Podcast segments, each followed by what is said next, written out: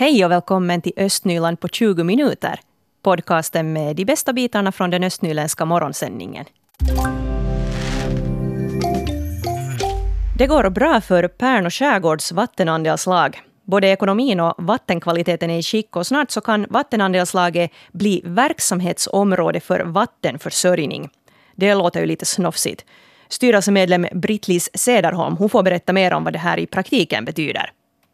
No, I praktiken betyder det det att när mm, man anhåller om nya byggnadslov så förordar eh, kommunen i byggnadslovet att man ansluter sig till Pärnu skärgårds vattenandeslag för vattnet och får avloppet kopplat dit. Det här betyder ändå inte att man automatiskt blir tvingad att ansluta sig om man redan har vatten och avlopp i skick. Utanför tätorter omfattar anslutningsförpliktelsen till spillvattenavlopp bara sådana fastigheter som ligger på strand och grundvattenområden och vars spillvattensystem inte fyller de nya kraven i miljöskyddslagen. Man behöver inte heller ansluta sig om man bygger ett hus som saknar rinnande vatten och inne-WC eller om byggnaden finns så pass långt från stomlinjen att det blir väldigt dyrt. Pärnu skärgårds vattenandelslag täcker ett ganska stort område i västra delen av Lovisa skärgård. Vi ska säga från Isnäs söderut, Kärpe, Sarvsalö, Rönnäs, från Rönnäs neråt, Kabböle, Malmsby, Dalsvik, de områdena som det gäller. Och, det där, och som då, om man är tillräckligt nära stomlinjen förstås så att är man själv beredd att betala en större summa för att dra den där privata anslutningen så inte det är ju oss emot det heller. Nu har ju alltså Lovisas näringslivs och infrastrukturnämnd just godkänt den här ansökan. Hur går ni vidare härifrån? När tror du att det här kan vara klart? No, det är svårt att säga, men vi hoppas ju kanske att det ska bli inom det här året. Att det, det ska ju ännu behandlas i styrelsen och i fullmäktige och så här, men att, att kanske under det här året får vi det, det klart. Varför ville ni bli verksamhetsområde?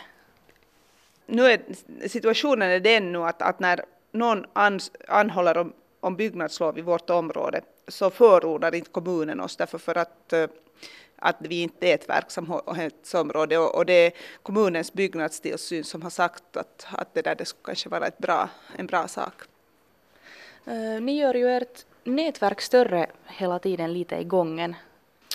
No, ja, lite efter, efterhand och behov eh, när det visar sig att det finns något område där det finns tillräckligt många, många nya nya det här anslutningar så kan vi bygga till. Det är inte frågan om stora, stora tillbyggnader, det är någon hundra meter här och där. Att det är nu på Sarsalö som vi har ett par ställen där vi kommer att, att utvidga nätet med några hundra meter på vardera ställe.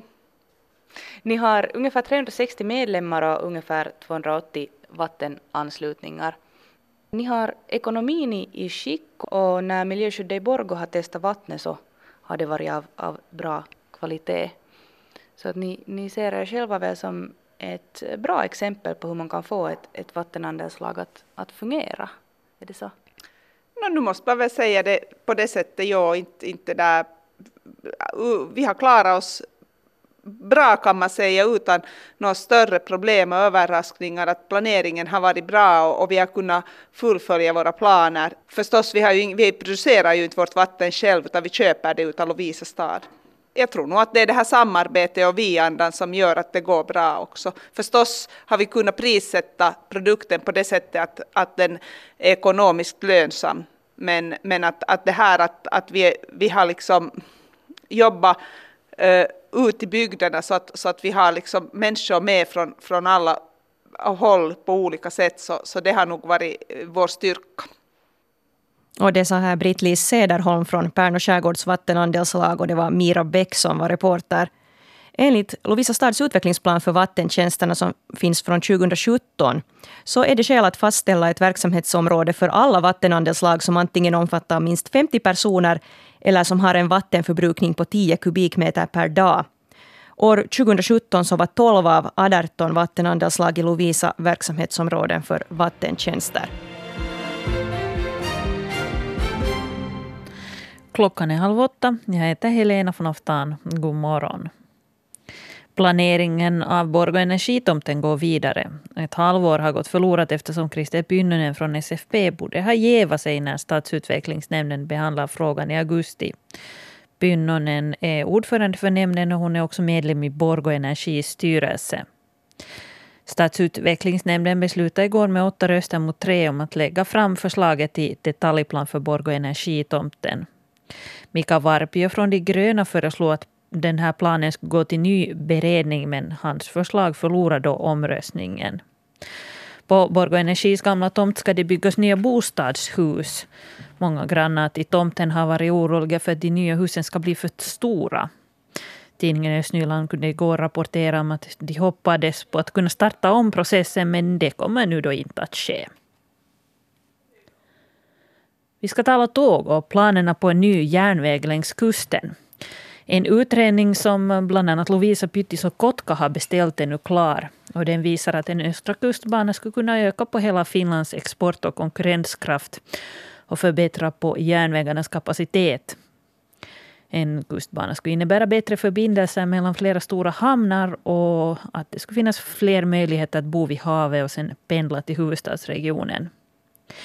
Samtidigt som de här kommunerna längs kusten nu lobbar för en kustbana har flera kommuner från östra Finland och Borgå satsat på att propagera för en bana som går från Borgå direkt till Kouvola.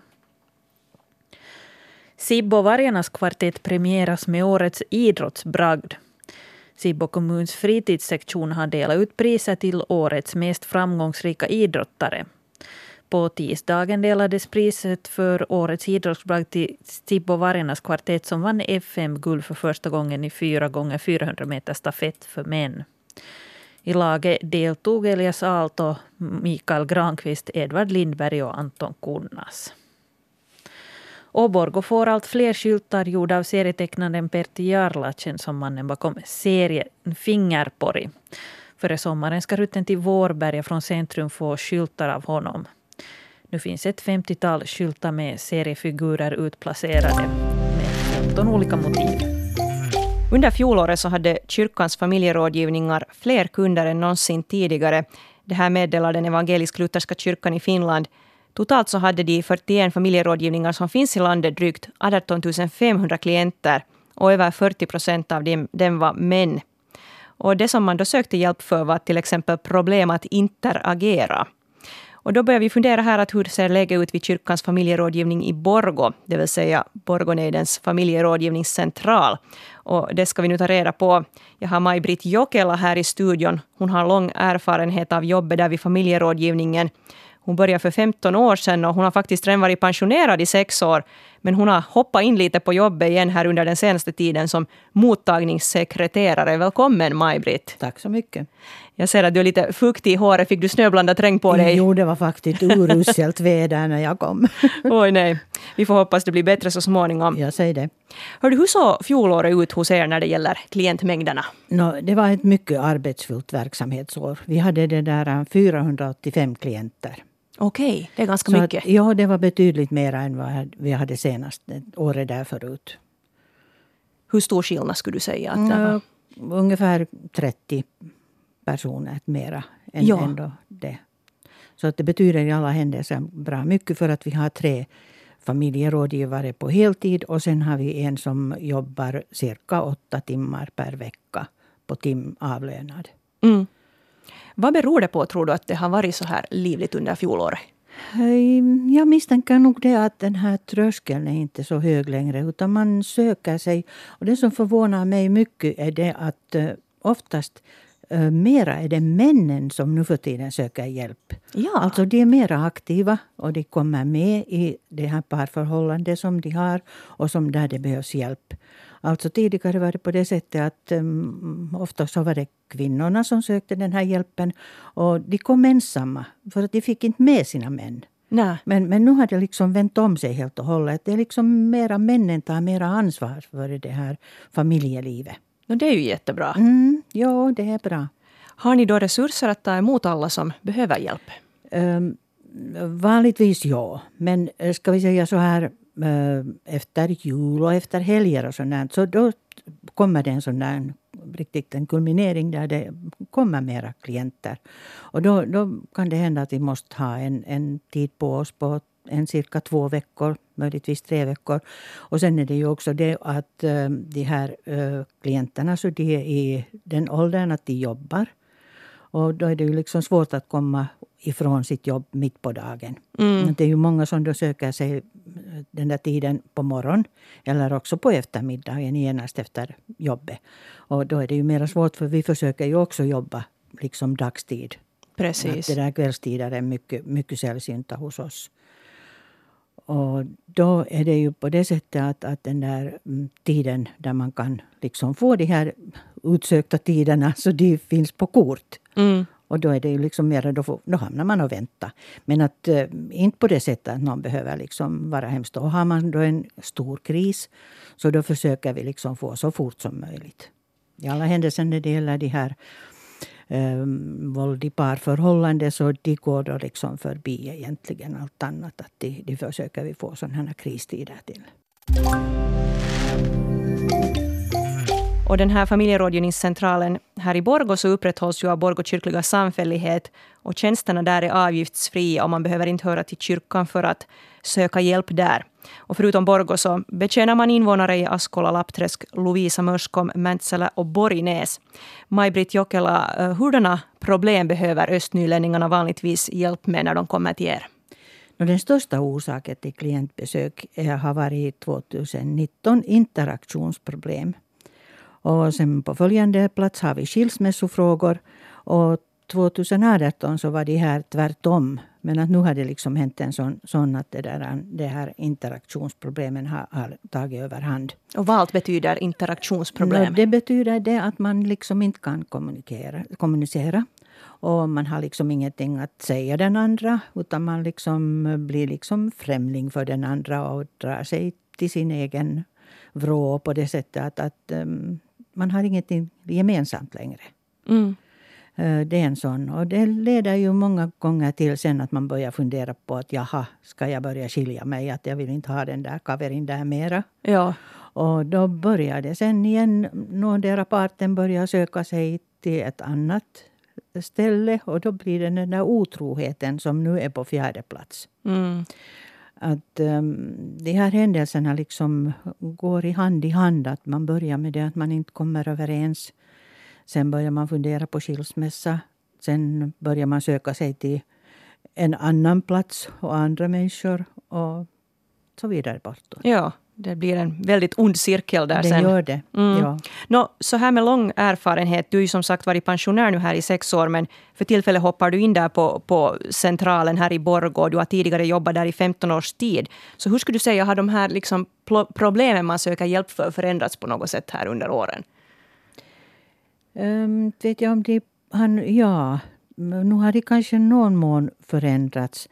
Men um, en sån kategori som har kommit till i de här parrelationerna så är det där det, har uppst- det som har uppstått i de här så kallade regnbågsfamiljerna. Mm. Att de har liksom ökat. Och det är ju en bra sak att de vågar för att det är ju en sån sak som man liksom har, eh, har liksom inte vågat komma fram med helt enkelt. Att man, man hör till en sån kategori.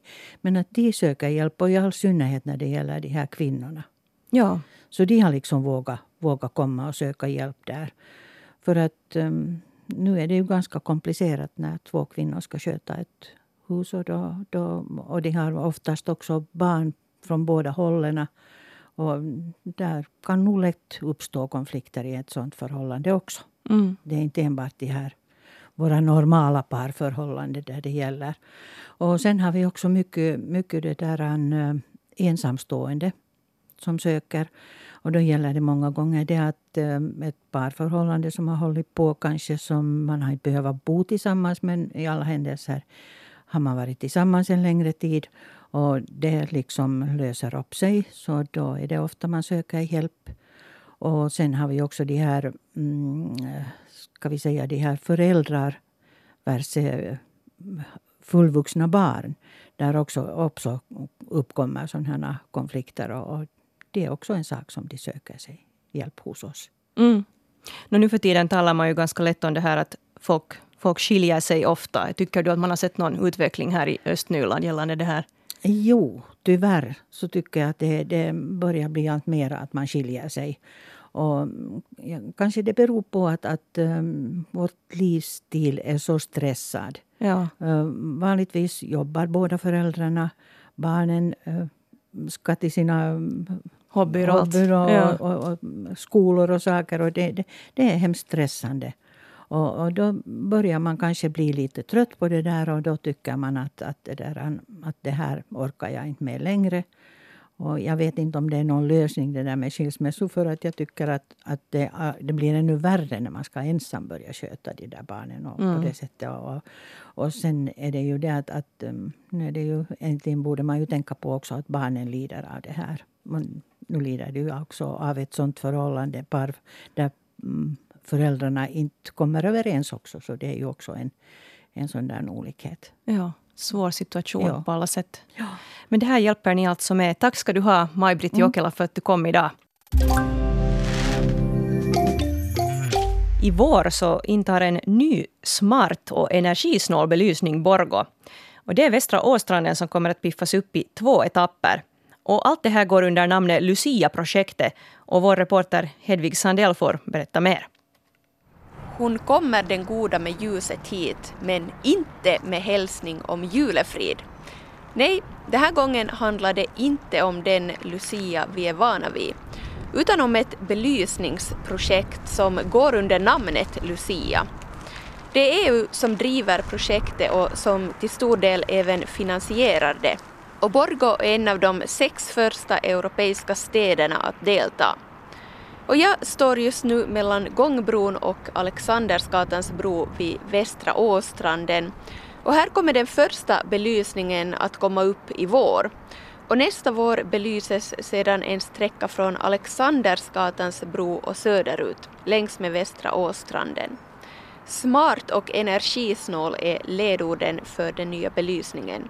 Och i samband med ljusfestivalen Borgå ljus nu på fredag och lördag kan invånare också vara med och tycka till om den kommande belysningen. Men jag har redan nu frågat några Borgåbor om deras åsikter. Och nu står jag här med Borgåbon Eva-Maria Back. Och Eva-Maria, vad skulle du vilja se för belysning här? Jag måste säga, jag har aldrig tänkt på belysningen desto mer inte. Jag vet inte. Har det funnits det som man behöver när man rör sig i mörkret? Inte någonting desto mer. Tycker du alls att man behöver skaffa något mer belysning, något finare belysning och smartare belysning här? Smartare, om det betyder att man äh, sparar elektricitet så säkert. Finare ljus, jag har aldrig tänkt på saken. Ja, varför inte? Om det finns en bra idéer så det ska vara intressant att se dem. Men du har inga bra idéer. Nej, det här kom så plötsligt den här frågan så jag vet inte. Tänker du delta i Borgå ljus? Absolut ska jag titta på det. Det jag ju redan bestämt med syrran och lagt upp tiden och så vidare. Och nu sitter jag här på Haga Helias eh, kafeteria restaurang med Juhani Sillanpää. Han bor inte egentligen i Borgå men han är här alltid emellanåt. Och Juhani, du hade lite funderingar om den här Västra Åstranden. Vad tycker du om belysningen där? Det låter jättebra. Alltså, om jag jämför till Åbo till exempel, de har gjort riktigt bra den här belysningen. Och eh, det kunde vara på, lite på samma sätt att det finns det här gammalmodiga lampor. Så jag hoppas det kommer så att det är också för säkerhets skull att de människor tänker att det, de vågar att alltså gå i Åstranden. Så det är bra, bra saker. Och Borgå stad planerar ju alltså bygga sån här eh, smart belysning där och belysning som sparar energi och så vidare. Vad tycker du om det? Det är miljövänligt och uh, jag tänker det är också bra idé. Och nu står jag här med Borgåborna Kajsa Koivula och Nina Kinnunen. Vad tycker ni om belysningen på Västra Åstranden? No, jag har inte sett så mycket märke på det. Nej, jag har inte heller knappt noterat det. Tycker ni där behövs belysning? Nå ja, om folk går där och det är mörkt så nu behövs det ju nog belysning. Ja, mm, jag tycker nog att det är helt kiva.